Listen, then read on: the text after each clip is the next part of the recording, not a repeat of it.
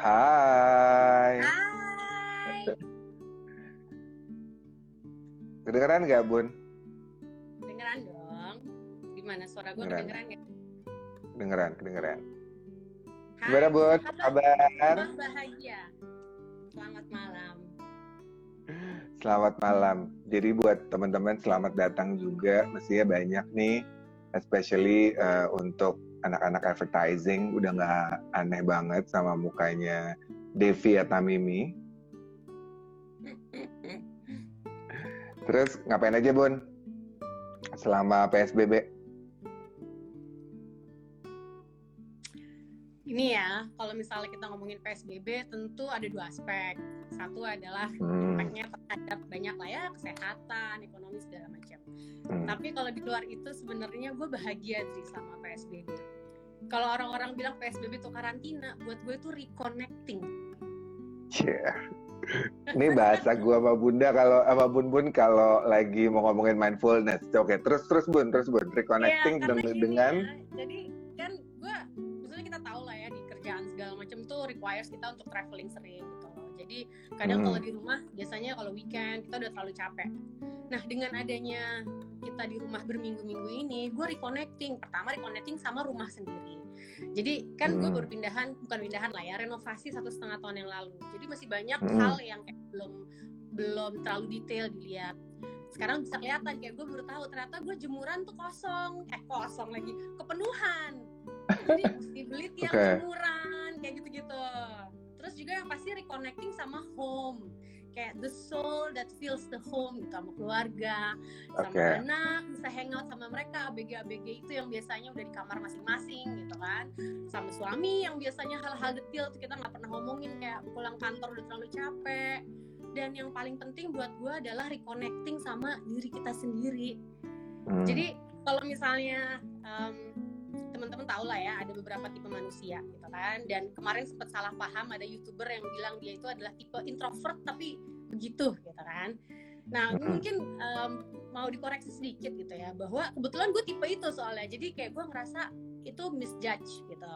Karena sebenarnya membedakan introvert sama extrovert salah satunya adalah dari mana kita mendapatkan energi di mana buat introvert energi itu kan didapat dari diri kita sendiri ya jadi kalau misalnya kita Hmm. terus berinteraksi sama orang itu kita capek karena kita terus terus ngeluarin energi sementara mungkin kalau orang-orang yang extrovert justru they gain energy from other people jadi kalau ketemu teman Hmm. pulang dari nongkrong they feel recharge nah buat kita Hmm. kita yang kebalikannya justru di rumah ini adalah saatnya buat kita recharge gitu kayak replenishing all the energy terus juga mencoba untuk lebih grounded sama diri kita sendiri gitu jadi PSBB itu is a blessing for me banyak hal yang Agree. connect betul terlebih Agree, lagi agree. ya sama diri sendiri lu agree. gimana Dri?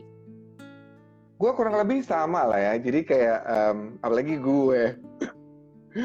Jadi kayak eh, selama di di masa PSBB ini dan masa-masa belakangan ini kan adalah eh, suatu hal baru buat gue ya Bun ya. Maksudnya benar-benar fokus sama diri sendiri, fokus sama apa yang gue suka, sama yang gue kerjain gitu ya. Jadi memang banyak banget hal-hal yang tadi lo bilang benar banget. Jadi eh, lebih lebih mensyukuri hal-hal sederhana di rumah gitu ya. Terus uh, uh, punya waktu untuk mikirin gitu. Jadi kalau buat gue di PSBB ini juga sama. Kalau uh, awalnya sempat panik gitu ya, karena kan especially ketika lagi memulai suatu hal yang baru, itu kan butuh persiapan gitu. Tapi malah dengan PSBB ini kayak banyak banget, gue bikin preparationnya banyak banget. Terus uh, ternyata dengan kita terus aktif gitu ya, kita aktif, kita mikirin uh, konten, kita mikirin uh, planning kita ke depan mau ngapain gitu, malah jadi kayak membuka banyak banget uh, peluang, membuka banyak banget kerjasama gitu. Dan dan Itu menurut gue biasanya lo nggak pernah sempat kepikir gitu bener bener bener banget. Jadi gue biasanya mikirinnya lebih kayak uh, biasanya kita kan hidupnya cepet ya bun ya, pagi terus pulang malam gitu ya. Nah sekarang tuh ya punya banyak waktu aja sih gitu. Dan kayaknya waktu itu dibutuhkan buat kita apalagi kalau misalnya kita mau mendalami gitu ya trigger Hmm. sebuah trigger eh, apa sih penyebabnya kalau misalnya kita di kantor ada suatu hal yang bikin kita kesel biasanya itu kita tidak Hmm. punya waktu untuk evaluasi apa sih yang men-trigger kita kesel karena kan reaksi kita tuh adalah mirror sebenarnya kan dari apa yang Ya. kurang dari dalam kita Hmm. Nah, dengan kita punya waktu lebih di rumah, itu setiap ada hal yang bikin kita kesel, ada jeda untuk bisa memikirkan, oke, mungkin kita kesel ini sebenarnya bukan karena situasi tersebut, tapi ada ke apa ya kekosongan di dalam hati kita yang belum kita isi sendiri. Oh, oke, jadi tahu harus apa yang dilakukan, gitu. Agreed. Dan itu memang banyak banget. Jadi buat buat teman-teman sahabat bahagia nih ya, eh, Bun Bun ini kita ini dulu kali ya kita kita kita balik flashback dikit Bun biar orang tahu. Jadi kayak eh gue sama Bun Bun itu kita dulu sempat satu sekolah, terus satu kantor, terus hari kita main bareng banget. Nah terus salah satu orang yang selalu pingin gue tanya waktu itu tentang tentang eh, bagian dalam diri gitu ya, bagaimana kita mengolah rasa dan mengolah diri adalah Bun Bun dan itu it took me like two years kali ya Bun ya sampai akhirnya kita ngobrol dari sebuah ketidaksengajaan akhirnya Hmm. kita ya kan jadi kayak buat teman-teman yang sempat dengerin IG live sama Raj itu eh, adalah Hmm. orang yang dikenalkan oleh Bun Bun oleh Devi buat eh, ke gue gitu jadi eh bener Semua bener ada banget waktunya. Eh, eh, semua ada waktunya Kita jadi dulu belum siap untuk ngomongin hal seperti ini. banget Tahun banget banget mulai akhirnya. dan dan itu bukan suatu hal yang mudah ya bun ketika kita bisa melihat bahwa uh, untuk mengakui kita tuh um, semua yang terjadi dalam hidup kita adalah mirror itu kan juga bukan hal yang mudah ya. Jadi kan kesannya kalau oh kalau misalnya kita marah uh, sama sesuatu berarti ada sesuatu yang di dalam diri kita yang mungkin juga marah gitu. Nah Ya. uh, menurut gua di masa-masa sekarang ini akhirnya lo lebih mengerti gitu bahwa oh ya ya mungkin uh, kenapa situasi ini terjadi sama kita itu karena memang ada hal yang belum kita selesaikan yang kadang-kadang kita nggak sadar ya nggak Bu? Betul, ini banyak teman-teman SMA kita nih, Dri.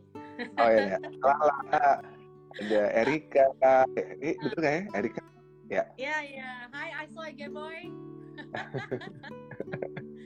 Oke, Terus Bun, itu kan tadi dari PSBB dan apa yang kita apa yang kita pelajari ya. Cuma mungkin orang-orang banyak taunya lo kan uh, the icon of advertising. hai. Nah, Wow. sebenarnya sebenarnya lo mulai dari mana sih Bun? Waktu waktu mulai uh, berkarir lo? Sebenarnya ya, kan gue dulu kuliahnya adalah agribisnis. Jadi kalau cerita Hmm. sedikit sebelumnya itu, gue sebenarnya waktu lulus kuliah pengennya jadi psikolog. Oke. bingung nih mau psikolog atau agribisnis gitu kan karena agribisnis di saat itu gue pengen memodernisasikan negara kita yang agraris akhirnya long story short masuklah gue di IPB di IPB gue belajar eh, karena agribisnis ya jadi nggak cuma agriculture tapi ada sisi bisnisnya. Jadi gue belajar mengenai consumer behavior gue belajar mengenai positioning a product a brand Hmm. dan ternyata gue enjoy banget belajar hal-hal itu gitu. Jadi Hmm. gue memutuskan oke apalagi pada saat kuliah em, kan anaknya nggak bisa diem ya ikut ini ikut itu terus jadi penyiar di radio. Dan akhirnya di situ gue mulai berinteraksi lah dengan dunia broadcasting lalu dengan dunia periklanan jadi pada saat sebelum lulus kuliah gue udah tahu oke gue mau masuk ke dunia itu jadilah Hmm. sebelum lulus gue udah mulai bekerja di dunia advertising Hmm, oke. Terus akhirnya baru uh, dan dari situ terus terus terus terus terus gitu ya sampai hari ini. iya loh gue nggak pernah Hmm. pindah industri Ya. luar biasa ya sama Ah, kayak gue nggak pernah pindah sekolah dari TK sampai SMA di Regina Pasis High five. Kalau itu High kayak emang kayak kalau itu emang orang tua kita anak biasanya orang tua orang tua Bogor tuh uh, ya dulu sekolah cuma itu aja ya bun ya. Jadi kayak iya ya kita kayak sekarang iya kayak sekarang. pilihannya banyak Kita biasanya dari TK mungkin kalau dulu di Recis ada university kita mungkin ada di situ juga ya bun. Nah. asli asli kalau ada perguruan tinggi Regina Pasis tuh di situ kita Dri Nah, dari dari semua perjalanan lo nih Bun ya, waktu di Hmm. advertising ya. Sebenarnya pembelajaran apa sih yang menurut lo eh, merubah hidup lo? pembelajaran Karena, ya. Ya, jadi kayak dunia advertising itu kan emang very unik kan gitu sebenarnya dan menurut gue nggak semua orang bisa masuk ke sana gitu maksudnya bukannya nggak bukannya bisa ya tapi bisa menikmati kehidupan di advertising. Oke, sebenarnya pertanyaannya adalah um, lo seneng nggak kerja di industri lo itu dulu sih kali ya. Hmm. Kalau misalnya lo masuk ke sebuah industri atau ke sebuah kantor gitu hanya karena mungkin lagi ngetren atau banyak teman-teman lo yang masuknya ke industri itu gitu kan. Jadi Hmm. uh, driver drivernya kan dari eksternal. Nah kalau misalnya seperti itu akan susah untuk lo tahan lama, apalagi benar-benar suka. Jadi kalau menurut gue Hmm. yang pertama adalah lo seneng dulu nggak kerja di sini, lo seneng dulu nggak sama apa yang lo kerjain. Kalau misalnya Hmm. lo udah seneng apa yang kerjain, Mhm. segala tantangan kan lo mau di industri mana pun juga ada lah tantangannya lah ya. Kalau Hmm. misalnya lo udah seneng kan kayaknya tantangan itu dianggap sebagai sesuatu yang lo pengen conquer supaya lo bisa naik kelas. Ya. Ya kan? Dan siapa sih yang nggak senang kerja di industri advertising penuh dengan Dinamika. dengan drama, iya sangat tidak eh, apa ya? Bukan bukan sebuah pabrik di mana lo harus seragam pertama gitu. Seragam bukan Hmm. bukan baju ya, tapi cara berpikir Hmm. justru semakin diverse semakin bagus dan em, yang kedua advertising itu kan bukan ilmu eksakta di mana ada rumusnya artinya apa artinya lo bisa setiap hari inventing something new lo bisa setiap Hmm. hari menggabungkan dari berbagai, berbagai macam ilmu pengetahuan ataupun observasi lo terhadap tren lo gabung-gabungin jadilah sebuah iklan gitu kan Hmm. gitu. Ya. Jadi um, intinya kalau kenapa kenapa betah kerja di advertising karena menurut gue dinamikanya luar biasa sehingga nggak bosen. Apalagi setiap hari lo ketemu dengan berbagai macam brand dari industri yang juga berbagai macam. Tantangannya berbeda. Kalau kalau misalnya ngulik yang lo ulik juga berbeda gitu kan. Jadi dinamikanya sangat banyak. Jadi ya seneng lah, nggak bosen lah jadinya. Gitu. dan dan itu me- membentuk uh, karakter banyak dari teman-teman di advertising juga ya. Jadi memang lebih lebih lebih dynamic, lebih muda gitu ya. Terus lebih uh, lebih adjustable gitu. Nah, Bun, Kalau dulu- ditanya, Hah? kalau ditanya sebenarnya industri mana yang paling tough? Mungkin ada yang bilang ya kedokteran tough lah saat ini gitu ya. Tapi Hmm. advertising juga salah satu industri yang sangat tough. Kenapa? Karena setiap hari itu kita dealing sama rejection.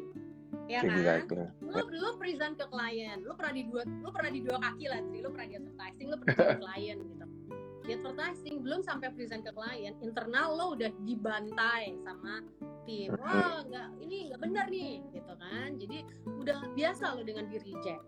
Tapi dengan di Hmm. reject, akhirnya lo pikir lagi, oke, so I have to uh, come up with another idea. Akhirnya lo semakin Hmm. kreatif. Nah, makanya dibilang orang-orang yang di advertising itu uh, kebal mereka mentalnya udah sangat Tahan kuat, banting. biasa ditolak betul Dan dan sebenarnya itu juga akhirnya membuat kita jadi pribadi yang mungkin lebih uh, dibilang lebih kuat sih enggak ya, cuma lebih tahan banting lah ya. Karena uh, tahan banting. kayak ya kan kayak misalnya kalau uh, Bun Bun kan memang masih di advertising gitu. Tapi kalau buat gue yang sempat pindah ke corporate ya jadi kayak dulu kalau misalnya ada Damian. Kalau kalau ngadepin anak-anak benar kalau ngebayangin anak-anak uh, baru gitu ya kayak ya ampun baru pulang jam 10 sini dulu pulangnya jam 4 gitu ya. Eh, pagi nggak pulang gitu kan. mandi di kantor ya kan? Nah.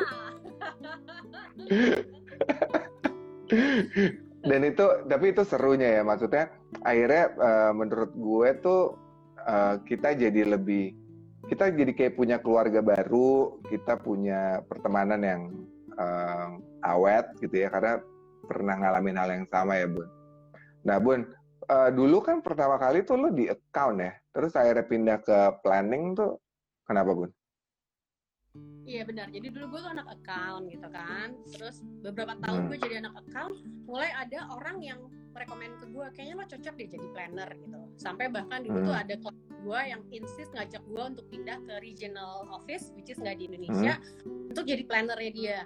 Tapi saat Hmm. itu gue ngerasa AE itu kan kayak being in the center of action ya, lu yang ngatur hidup orang Hmm. gitu kan. Jadi gue saat itu mikir gue Hmm. masih muda juga, kayaknya no I wanna be Hmm. the one who controls. sampai Hmm. akhirnya moment of truth-nya itu ada beberapa beberapa fase pertama itu jadi gue dikirim ke Cannes Advertising Festival saat itu Hmm. masih junior banget ya jadi kayak wow Hmm. di sana tuh gue kayak orang pelangak pelongo gitu kan ketemu sama the big shot of advertising nah di malam terakhir di Cannes itu uh, di awarding night-nya diumumkan lah so network agency of the year is disebut sebuah agency nah di Ah. saat itu gue yang masih muda tuh bilang di dalam diri gue bahwa oh I have to be there I have to be in the Hmm. best agency gitu kan Hmm. udahlah pulang dari sana pulang gue lupa balik kerja seperti biasa nah enam bulan dari hari itu tiba-tiba gue Mhm. ditelepon sama agensi tersebut ditelepon Oke. terus ditawarin untuk pindah jadi planner terus gue kayak di situ kayak wow universe itu telah berkali-kali ngomong ke gue bahwa Dev lu jadi planner lewat orang yang Hmm. berbeda-beda gitu kan tapi gue kayak menolak terus di saat itu gue ngerasa ini universe udah kurang apa ngasih tau ke gue bahwa lu jadi planner Dev gitu kan akhirnya pindahlah gue ke agensi itu dan memulai karir gue sebagai planner. Dan ternyata itu adalah salah satu keputusan terbaik di dalam karir gue. Bukan agensinya bukan agensinya menjadi planner.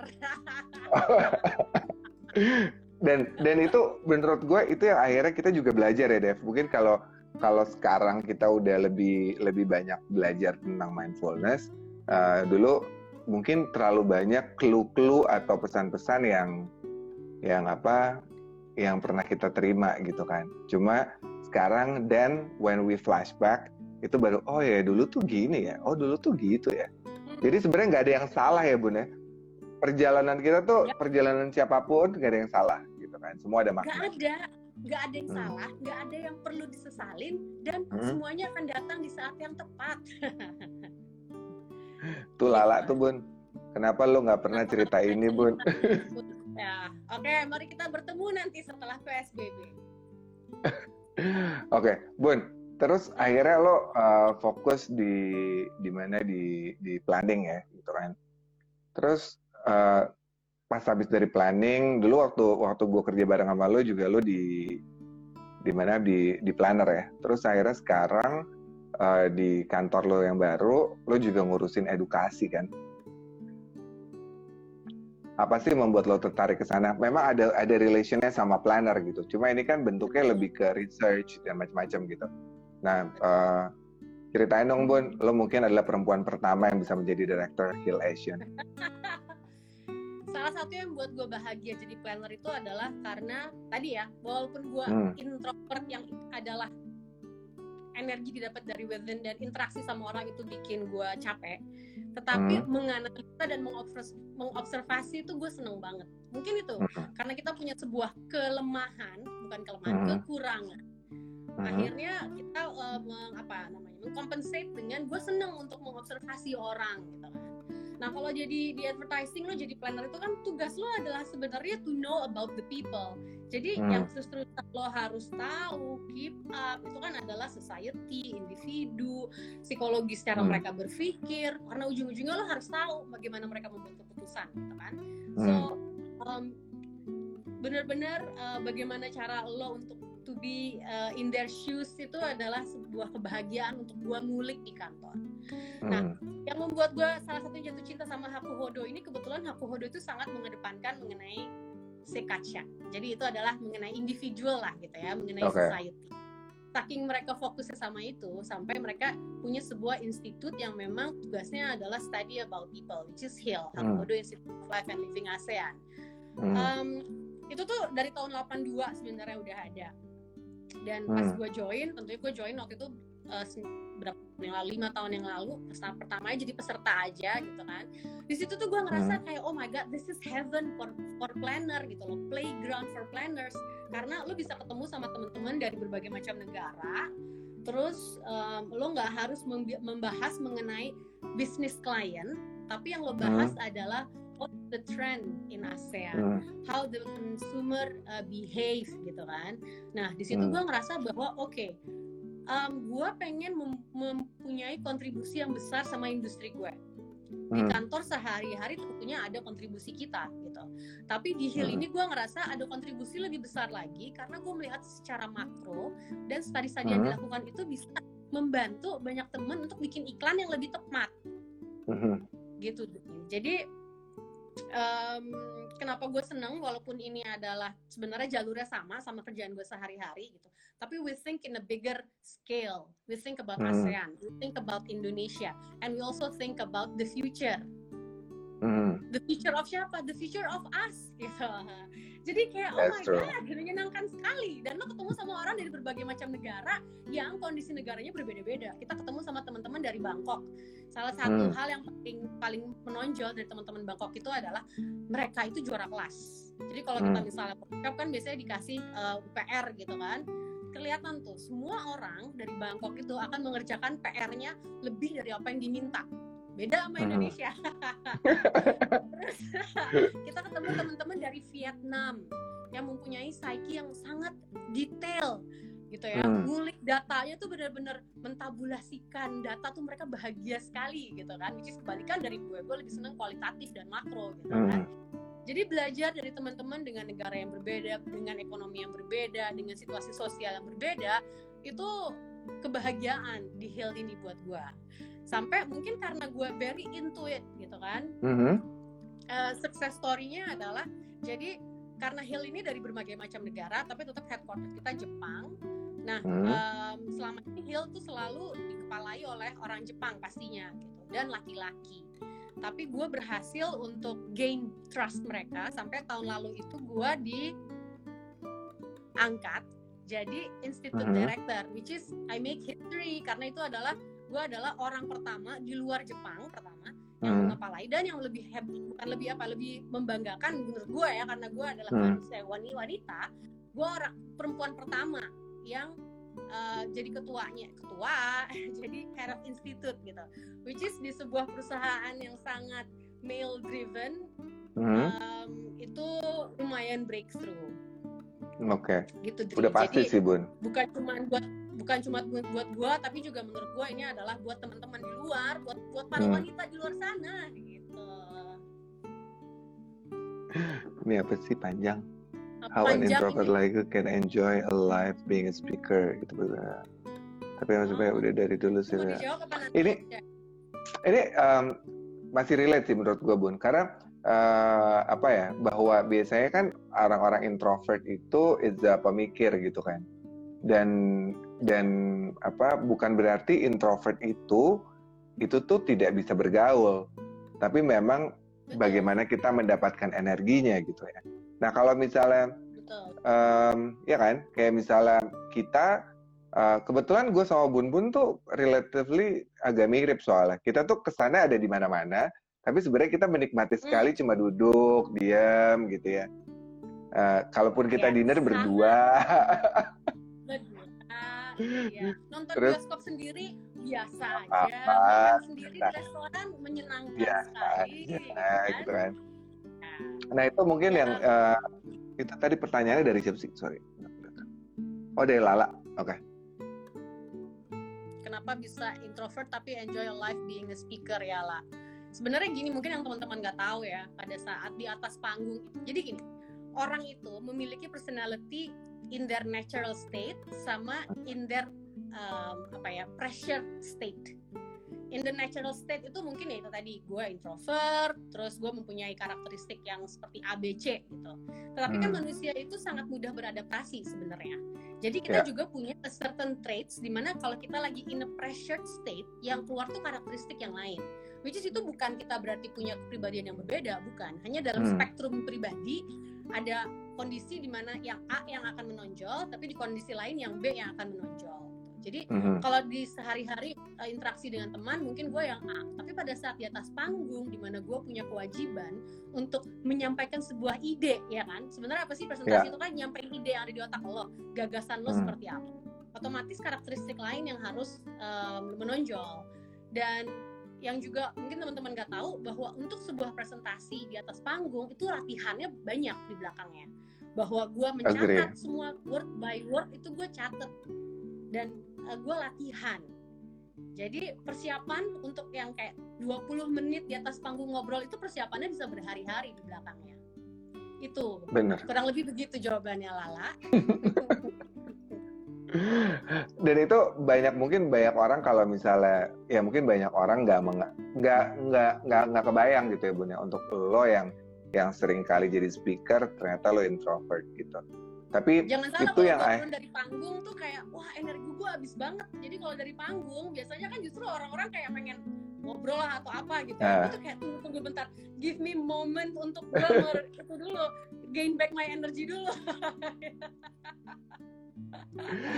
Itu karena menurut gue apa ya em, tapi balik lagi pada dasarnya lo emang orang yang kreatif lo suka menyampaikan ide mencoba mengerti banyak orang sehingga sebenarnya menjadi speaker itu bukan eh, buat Devi kayaknya bukan karena gue itu harus tampil gitu tapi bagaimana apa yang lo sampaikan itu bisa eh, bermanfaat dan lo sampaikan bisa membuat eh, apa orang-orang bisa menggunakan hal itu untuk hidupin mereka gitu kan kayak gitu ya bun ya Betul. Betul. Kalau misalnya lo tanya apa sih prinsip hidup gue gitu ya. hmm. Beberapa sebenarnya, tapi salah satunya adalah prinsip hidup gue adalah what is your contribution?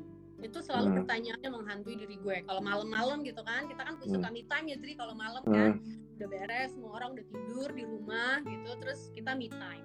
Nah biasanya di my me time itu adalah saat gue untuk refleksi apa sih yang udah gue lakuin hari ini, besok gue mau ngapain, segala macam lah gitu kan. Hmm. The big questions yang selalu ada dan eh, apa harus gue jawab itu adalah lu Hmm. kontribusi lo apa hari ini? Gak usah hari ini deh. Jadi misalnya seminggu. Intinya Hmm. adalah apa yang udah lo lakukan gitu. Jadi salah satu salah satu motivasi gue untuk eh, berbicara itu juga adalah eh, gue pengen memberikan sharing gitu kontribusi gue karena gue punya studi yang bagus nih gitu kan. And I Hmm. want people to know about it karena it will help them atau hopefully it can help them Hmm. kalah gue tampil untuk sharing gitu.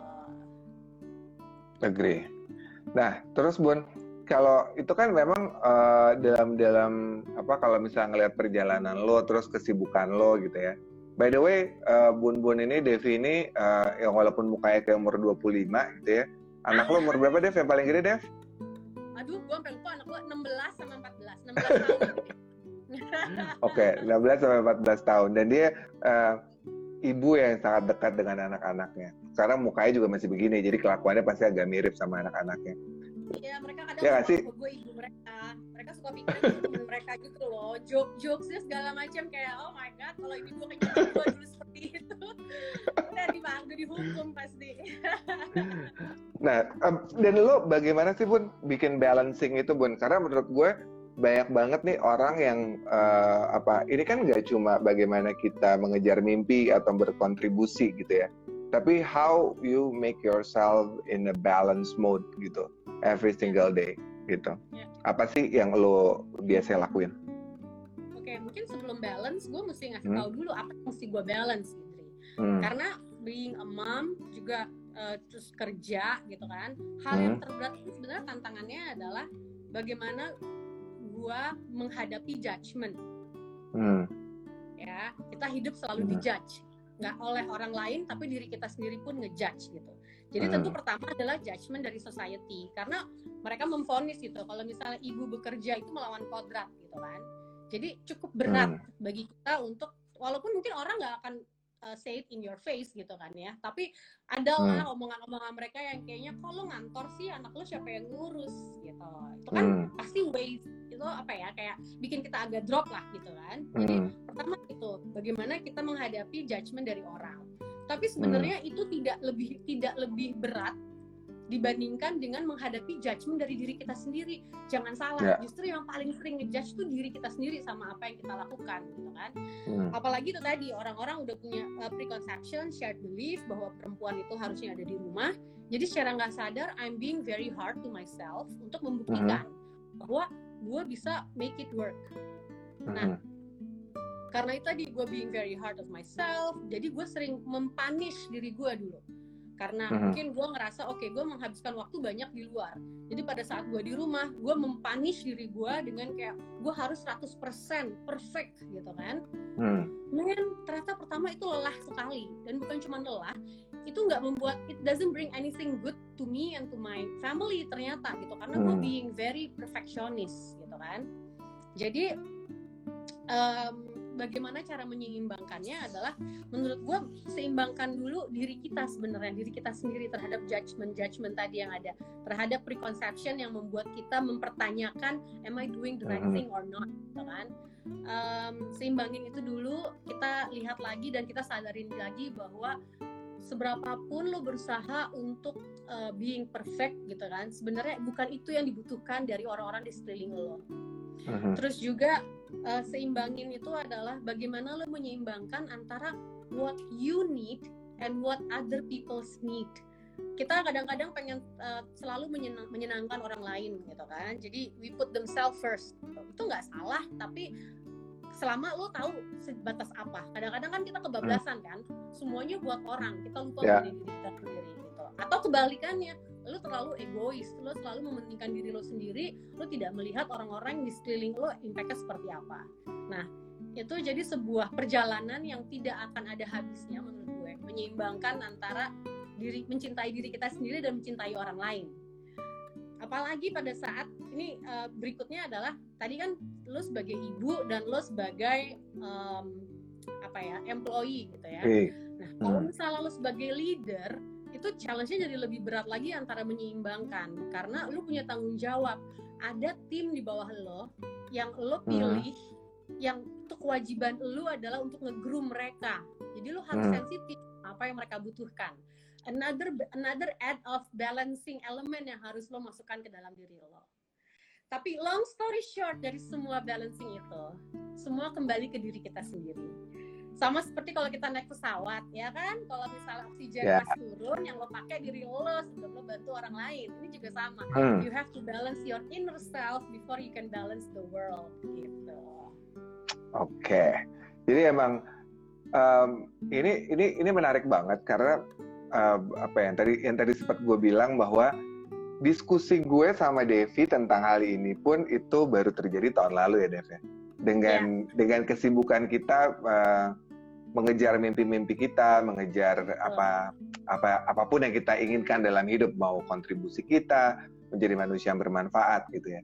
Jadi at the end of the day, menurut gue this is the beauty buat semuanya, buat teman-teman yang mungkin sekarang lagi uh, merasa kelelahan gitu ya, merasa kayaknya kok begitu banyak yang harus dikerjakan, kemudian banyak banget mimpi-mimpi yang harus dikejar.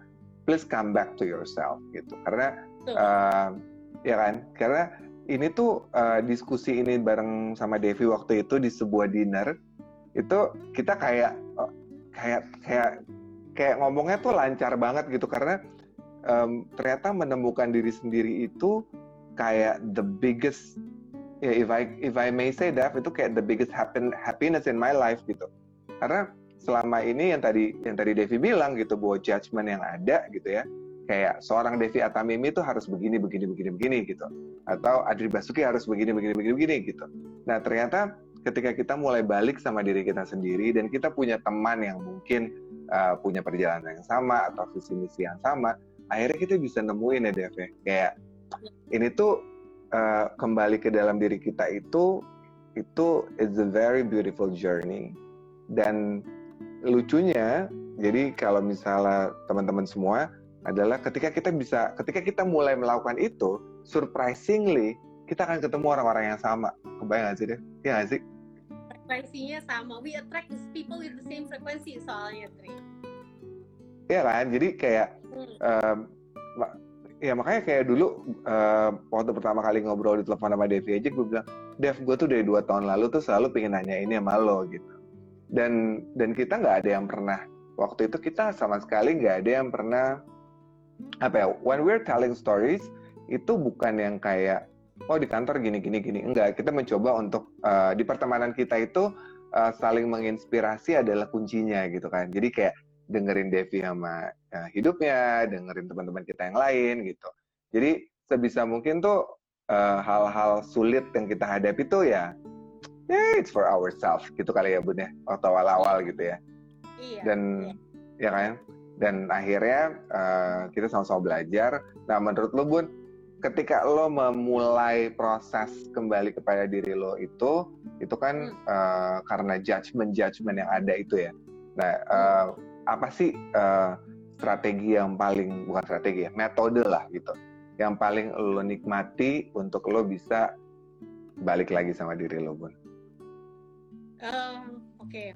metode itu maksudnya lebih ke self self reflection sama self healing gitu ya Dri. Hmm, jadi kayak misalnya mungkin lo lo adalah tipikal orang yang menyukai oh gue tiap malam uh, lebih banyak duduk untuk diam atau mungkin lo sangat mencintai uh, minum kopi pagi lo atau lo meditation mungkin gitu. Nah, kira-kira mungkin buat anak-anak advertising atau siapa pun yang merasa hari ini kerjaannya banyak, this is what you should hear. Silakan Bu. Oke, okay. ini sebenarnya soalnya gini ya metode itu kan cocok-cocokan ya Dri ya ada begitu Agree. banyak metode self healing dan self reflection di yang sekarang lagi hmm. hits banget kalau misalnya kita lihat selama masa pandemi ini begitu banyak online session yang ngomongin mengenai mindfulness self healing hmm. gitu kan kalau gue sebenarnya dari dulu itu gue sangat mencintai momen gue di malam hari karena Hmm. Uh, mungkin juga terbawa dengan kita nocturnal waktu pas mudanya ya hmm. kita baru ya, malam hari semua ide-ide brilian kita hadirnya di malam hari gitu kan walaupun pas besokannya pas bangun kayak oh man that's crap gitu kan tapi uh. entah malam tuh kita energinya sangat tinggi gitu Hmm. Dan ternyata salah satu penjelasannya mungkin ini membantu. Kenapa malam energi kita sangat tinggi? Karena banyak orang yang udah tidur. Jadi hmm. di dunia ini kan semuanya filled of energy and magnet gitu lah ya. Semua berusaha untuk connecting to the bigger bigger energy kita gitu kan. Hmm sistem di mana banyak orang yang udah tidur jadi kayak ada banyak ruangan-ruangan yang bisa kita lebih in, uh, tune in gitu. Jadi itu pertama hmm. malam ya. Malam tuh buat gue adalah masa yang kayak masa lagi. Periode yang sangat Waktu, sakral hmm. buat gue waktu yang buat gue gitu. Tapi yang menarik adalah gini, Dri. semakin gue belajar mengenai uh, eh, self love dan self healing ya, yang gue pelajari adalah kan orang sering bilang lo harus punya positif uh, positif apa mindset dong, positif hmm. attitude hmm. dong, lo berpikir positif dong gitu kan. Dan dulu kadang-kadang kalau misalnya kita punya masalah, terus kita oke okay, oke okay, gue harus berpikir positif. Oh kok malahan makin negatif ya? Gitu. Ternyata hmm. cara kita mengapproachnya salah jadi saat ini itu yang gue coba adalah untuk setiap saat memberikan sedikit pause, jeda, jeda hmm. Untuk hmm. reevaluate apakah lu sudah menjawab atau merespon trigger dengan benar. Ya. Karena karena positif attitude itu nggak bisa nggak bisa hanya sekali sekali pada saat lo hmm. lagi kayak wah gue lagi kesel atau gue lagi sedih terus gue mencoba berpikir positif itu nggak akan kejadian Hmm. Yang harus dilakukan itu adalah lo beneran dengan segenap hati lo dan segenap pikiran lo itu berusaha untuk um, detach hmm. terhadap reaksi orang. Berat ya hmm. itu ya. Selama ini kita selalu bereaksi terhadap uh, terhadap tingkah laku orang. Nah, menurut gue yang pelajaran yang sekarang gue sedang berusaha untuk lakukan itu adalah bagaimana caranya detach dari reaksi orang terserah karena kita nggak bisa kontrol orang ngapain mau kita udah berbuat sebaik apa pun juga masih aja ada orang yang salah persepsi gitu kan terus dia malah hmm. berpikir yang tidak tidak tidak gitu padahal niat kita baik jadi bagaimana caranya hmm. apa pun reaksinya orang detach aja dulu ya. kita punya niat baik itu aja itu mungkin yang yang yang biasanya kalau kita komennya lucu-lucu Ya, itu ini pasti angkatan lo semua nih, teman-teman lo semua nih. Betul. ada yang mau curcol juga di sini soalnya kayaknya. dan itu, dan menurut ya gue gue kebayang sih kenapa malam gue juga sebenarnya anak malam gitu ya walaupun gue sekarang mencoba untuk menikmati pagi gitu karena mungkin sekarang kan udah lebih free ya waktunya lebih bebas ya, ya. Uh, ya. terus sama satu lagi mungkin itu yang bisa dilakukan kalau misalnya let's say uh, banyak orang juga uh, merasa kesulitan dalam proses meditasi ya bun ya dan um, kayak ya kan kayak kayak mungkin detach itu maksudnya adalah ketika kita mencoba untuk uh, meditate menenangkan diri kita apa pun yang masuk di kepala kita itu ya kita amati aja biarkan dia ada gitu kan biar dia nggak uh, kita jangan terbawa gitu karena memang uh, yang gue pelajari banget bun sebenarnya dalam perjalanan gitu ya karena kan kita uh, bekerja banyak sekali dengan banyak orang gitu. Sebenarnya pada dasarnya semua orang itu memang tidak bisa diatur uh, bagaimana mereka akan memberikan reaksi. Nah kitanya yang sebenarnya bisa mengatur reaksi kita akan seperti apa gitu. betul Nah, ada nggak? Ya misalnya kan? tanya gitu ya, Hmm? kalau misalnya lu tanya kan kita ngomongin mengenai hidup tuh pasti ujung-ujungnya adalah kita pengen bahagia gitu ya Dri ya Exactly. dulu itu Hmm. gue ngerasa bahagia itu adalah sebuah hasil jadi em, misalnya gue ngerasa kalau misalnya punya duit maka lo akan bahagia atau misalnya Hmm. lo menang lo akan bahagia jadi bahagia itu adalah hasil nah gue Hmm. belajar kita bahagia itu sebenarnya adalah sebuah usaha kita jadi em, nggak doesn't matter gitu ya sebenarnya apa pun kondisi yang sedang lo alamin kalau lo berusaha untuk merasa bahagia lo akan bahagia jadi itu adalah bukan sebuah apa perasaan pasif yang lo hanya menerima bukan tapi lo harus secara aktif merasakan bahagia Ya. Agree. gue tuh ada tiga hal yang gue coba untuk selalu em, terapkan pertama Hmm. itu adalah do not overthink. Mhm. susah bagi gue untuk tidak overthink apalagi planner. Planner soalnya. adalah betul adalah untuk overthink. Tapi implikasinya dengan gue overthink biasanya itu adalah hal-hal negatif yang keluar. Kalau ini jadinya gimana ya? Kenapa ini begini ya? Terus gimana ya? Gitu kan. Jadi do not overthink. Lo harus mikir sebatas ya tentu sesuai dengan kebutuhan tapi jangan Mhm. akhirnya menjadi sebuah eh, apa ya inner argument kan? Pertama do not overthink. Lalu yang kedua adalah amplify rasa di hati. Celebrate every little moments gitu loh. Gue percaya banget gitu ya bahwa apa yang ada di hati lo gitu kan ya itu lo Mhm. bisa milih ngerasa apa. Tentu tidak di setiap saat ya kita bukan orang yang bisa mengontrol pastinya. Kita, we- Hmm. kita tuh jauh dari orang yang bisa mengontrol. Tapi pada saat lo ngerasa sesuatu tuh lo bisa amplify bahkan sedih pun lo bisa amplify kadang-kadang kita pengen sedih yang kita nggak selalu pengen bahagia kadang-kadang kita Hmm. butuh sedih gitu kan nah saat lo sedih jangan lo avoid lo rasain sedih itu gitu Cie, jadi dalam nih. butuh lo sedih Hmm, ya. jadi Hmm. bagaimana lo mengamplify dan memagnify apa ada perasaan di hati lo itu menurut gua salah satu usaha kita untuk mengenal rasa bahagia gue pernah ada di Hmm. suatu masa di mana gue ngerasa numb kayaknya plain Hmm. hidup gue tuh plain aja gitu ya padahal dilihat dari luar oh keceriaannya banyak sekali gitu tapi I cannot feel anything man I feel numb gitu kan Hmm. itulah gue mulai mengupas segala macam layer yang ada di hati ini dan masih terus Hmm. sampai sekarang perjalanan masih panjang kayaknya aku pa- apa namanya bongkahannya udah terlalu tebal gitu kan ya Hmm. tapi itu mengelup apa mengupas uh, layer demi layer supaya lo bisa mengamplify apa yang ada di perasaan lo dan berusaha untuk tidak meng apa ya mengavoid bukan mengavoid apa ya mem- semua semua semua hal itu lo rasa menurut gue gitu. Karena itu Hmm. yang menambah kekayaan hidup lo. Itu yang kedua. Yang ketiga adalah keep the energy going. Karena kita tahu Oke. bahwa uh, we are um, apa ya we are energy gitu kan. Everything in Hmm. this universe is energy. Di sekeliling kita itu adalah field of energy gitu. Jadi kalau misalnya kita mau merasa bahagia itu akan lebih teramplify dan akan lebih lama kalau kita bisa men-sharing energi kebahagiaan itu ke orang lain gitu. Jadi kalau lo bahagia ya lo share dengan sesuatu. Kalau misalnya uh, lo pengen share sama orang boleh atau lo juga bisa lihat apa sih yang bikin lo bahagia siapa yang bikin lo bahagia lo give back ke orang itu. Jadi you have to keep the energy going gitu. Ya, agree. Ada satu ada satu yang gue pernah itu contohnya yang paling itu adalah uang misalnya ya uang kita ngomong Hmm.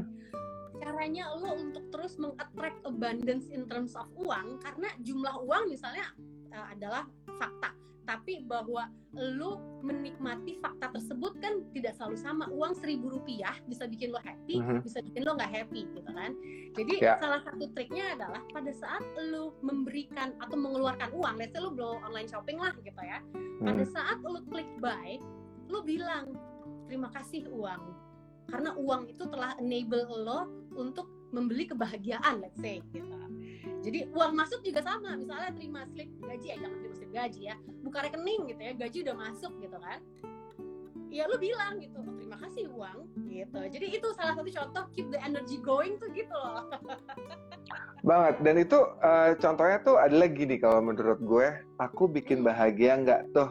Ah, oh, coba iya, dijawab. pastinya dong.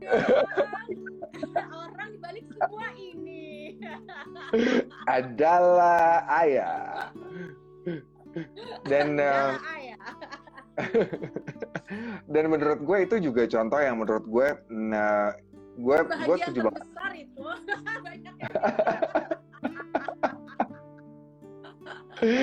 yang orang enable gue untuk bisa jadi seperti ini siapa lagi kalau bukan support dari suami.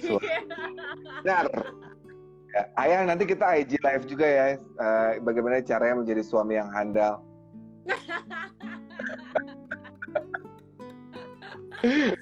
Oke bun. Jadi kalau menurut gue tuh tadi ada yang tentang bagaimana lo menikmati rasa itu sebenarnya juga yang selalu gue gue selalu coba share sama orang gitu. Bahwa ketika lo menikmati rasa itu emang lo harus mengenali gitu. Nggak cuma nggak cuma mengenali rasanya gitu ya. Tapi juga lo bisa mengamati bisa perubahan gesture perubahan kata-kata gitu. Jadi itu akhirnya lo akan ingat bahwa misalnya oh I think sekarang nih gue udah mulai negatif nih gitu. Jadi lo bisa balikin lagi gitu kan. Terus yang ketiga tuh yang tadi itu menurut gue menarik tuh tentang lo you keep the energy uh, going gitu ya. Hmm.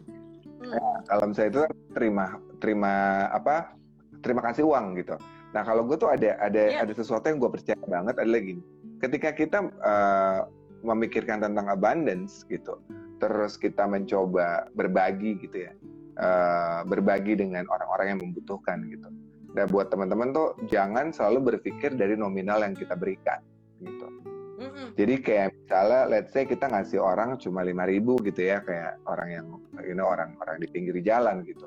Tapi sebenarnya yang akan balik ke kita itu is not 5000 tapi berapa banyak rasa yang mereka terima. Betul. Jadi ya. kan jadi kayak lima ribu itu buat kita ya rasanya lima ribu gitu. Tapi buat orang itu lima ribu itu adalah rasanya lima juta karena mungkin mereka udah nggak bisa makan tiga hari gitu misalnya gitu. Nah itu yang menurut Nah, jadi itu menurut gue adalah dengan memiliki kesadaran tentang hal itu, orang tuh akan bisa lebih menikmati apa ya proses itu tadi. Itu kan sebenarnya berbagi, memberi itu kan bikin lo akhirnya jadi kayak 360 kan. Akhirnya ya. semuanya jadi muter gitu ya, Bun. Nah itu menurut gue itu gue setuju banget bun. Nah jadi kalau misalnya uh, lo itu kan tadi tiga trik lo kan, tiga tips lo untuk uh, to make you sane ya. Iya. Yeah. Ya, membuat yeah. lo bahagia ya. bahagia. Nah menurut ya dan menurut lo sebenarnya bahagia itu kan uh, apakah jadi kan bahagia itu adalah sebuah proses usaha ya kata lo ya yang tadi itu kan. Betul betul sangat sangat kan. Jadi berarti kalau misalnya teman-teman sahabat bahagia, jadi akan lebih mengerti bahwa bahagia itu nggak mungkin dari ujung sampai ujung. Bahagia itu is an ups and down. Jadi bagaimana kita menikmati ups and down di dalam hidup kita gitu kan. Lo nggak bisa ngerasa bahagia kalau lo nggak bisa ngerasa sedih. Menurut gue itu. Benar. Ya, ya. Itu itu ada itu sebenarnya uh, it, it, that's interesting bun. Itu tuh adalah uh, analogi dari adanya siang malam uh, senang sedih. Itu is a simple uh, example bahwa ya bahagia seperti itu. Kalau bahagia kalau kita bahagia terus dan we probably crazy gitu kan. Kalau kalau barangnya bagus Dri. Ayo generasi generasi generasi dulu nih yang ngerti banget barangnya bagus ya Bun. Hmm. Gila ya Bun ya. Tahu gak sih Bun? Uh, ngobrol, kita selalu ngobrol, itu uh, untungnya pasangan-pasangan kita tuh orangnya baik-baik ya, ayah baik, yang di rumah gue juga baik. Jadi kita kalau pulang malam nggak dimarahin ya kalau kita habis uh, nongkrong. Soalnya um, kalau lo sadar Bun, ini udah mau jam 9. Hmm, lagi seru nih. Ah, nggak, nggak berasa nih. Nah, tapi menurut lo nih, sekarang kan um, lo sekarang udah uh, mencoba membuat sebuah uh, perjalanan hidup lo lebih balance ya gitu kan. Antara antara pekerjaan lo antara bagaimana lo melihat diri lo bagaimana lo memberikan kontribusi gitu kan. Nah menurut lo kalau misalnya gue tanya gitu kan ya uh, ini dari sisi perempuan karena tadi lo adalah uh, leader atau director pertama perempuan gitu. sebenarnya who's who's your role model perempuan yang paling memberikan pengaruh dalam hidup lo? Nyokap gue Dri Kenapa tuh nyokap? Apa yang apa yang dari dari ajaran nyokap?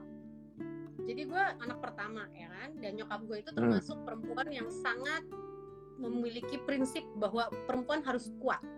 Hmm. Jadi dari gue kecil gue melihat betapa dia sebagai ibu yang sangat aktif dan selalu uh, memimpin banyak organisasi gitu kan hmm. dan uh, selalu menekankan ke gue perempuan harus begini perempuan harus begini intinya perempuan tuh harus kuat gitu. Hmm. Nah jadi di situ gue terbentuklah kepribadian bahwa apa pun yang terjadi I cannot let the world know bahwa gue lemah Hmm. itu satu sisi dulu ya. Satu sisinya adalah Hmm. itu. Gue terbiasa makanya tadi gue bilang layer gue tuh terlalu terlalu besar.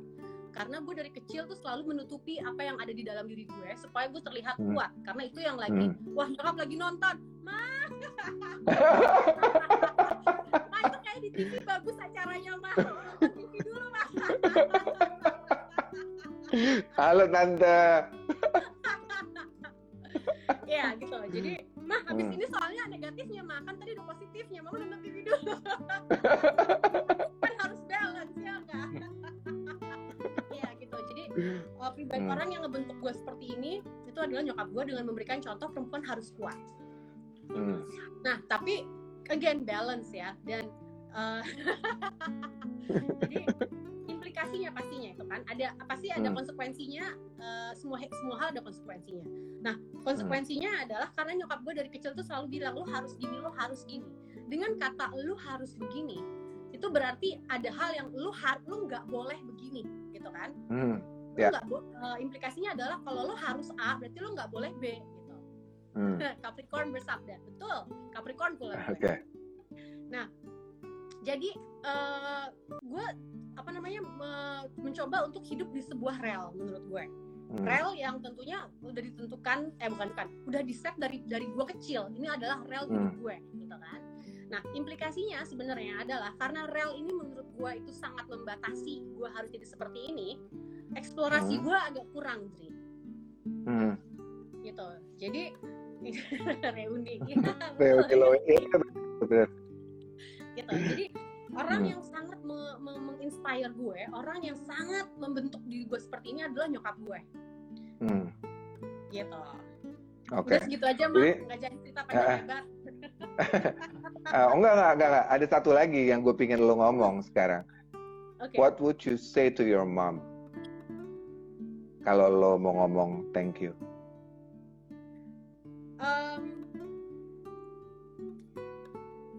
What would I say ya wah ini terlalu Ya. personal nih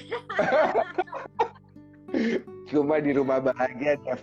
List pertanyaan Iya, tuh benar. 23 biji ini ya pikirin semalaman, Dev. Gimana caranya biar interview ini nggak pernah ada di tempat lo biasa jadi speaker. Oke, oke, oke. Jadi yang akan gue sebenarnya gini akan gue yang gue ngomongin ke nyokap gue. Pertama adalah thank you, I love you mom, I forgive you. Kenapa I forgive you? Karena pasti ada konsekuensi dari semua hal yang diajarin. Karena itu saking kuatnya ya impactnya ke gue selama gue hidup gitu kan.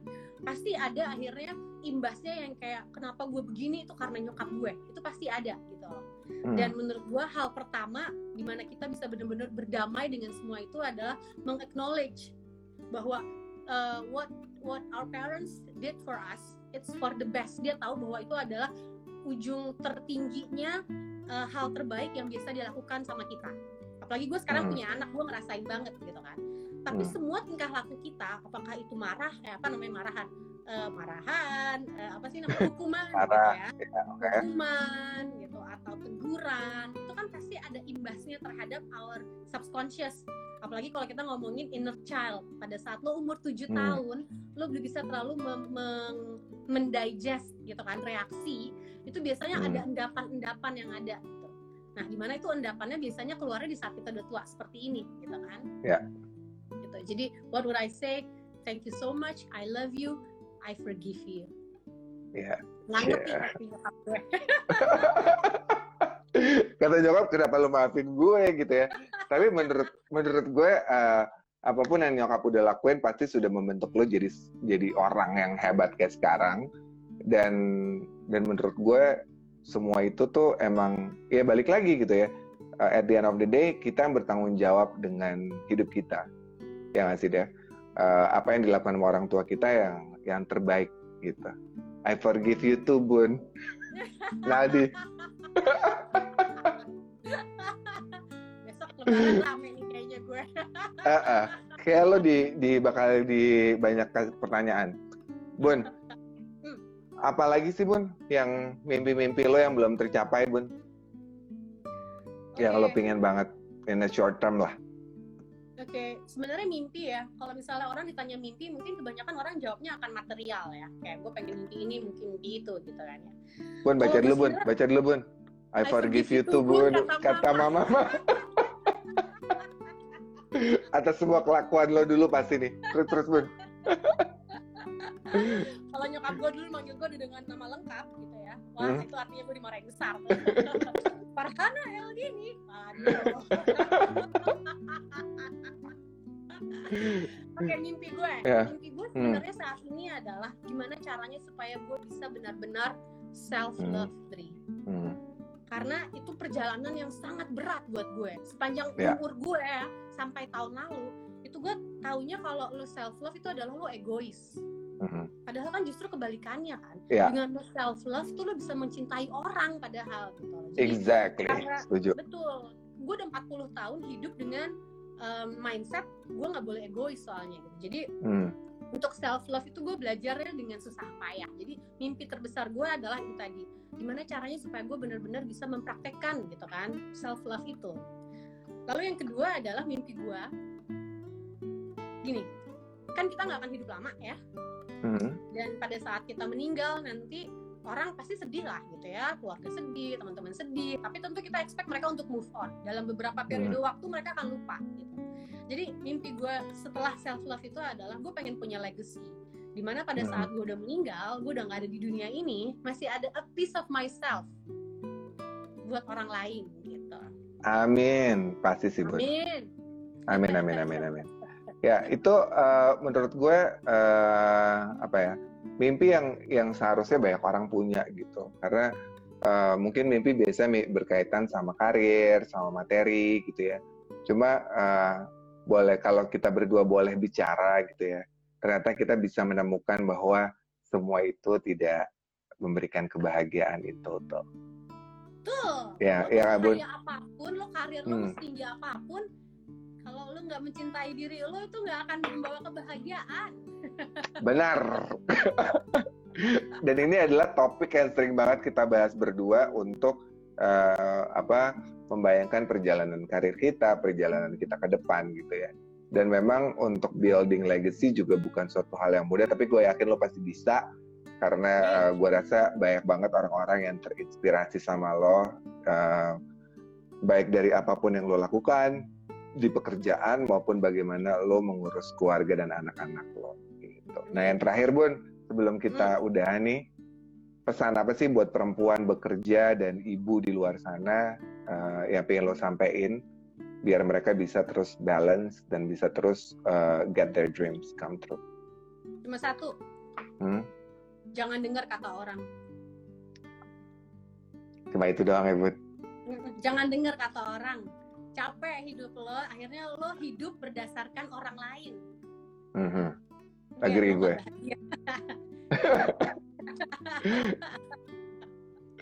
Oke, jadi mudah-mudahan eh, diskusi malam ini ngobrol-ngobrol sama Bun Bun malam ini bisa memberikan inspirasi. Ini Lala udah bilang next pertemuan adalah self love gitu.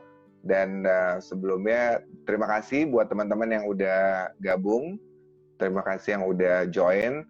Dan Bun, thank you banget udah sharing perjalanan hidup gitu ya, udah sharing em, cara-cara bagaimana lo bisa sampai ke titik ini yang tentunya juga pasti bukan suatu hal yang mudah dan semoga masih panjang, Dri. perjalanan masih panjang pastinya.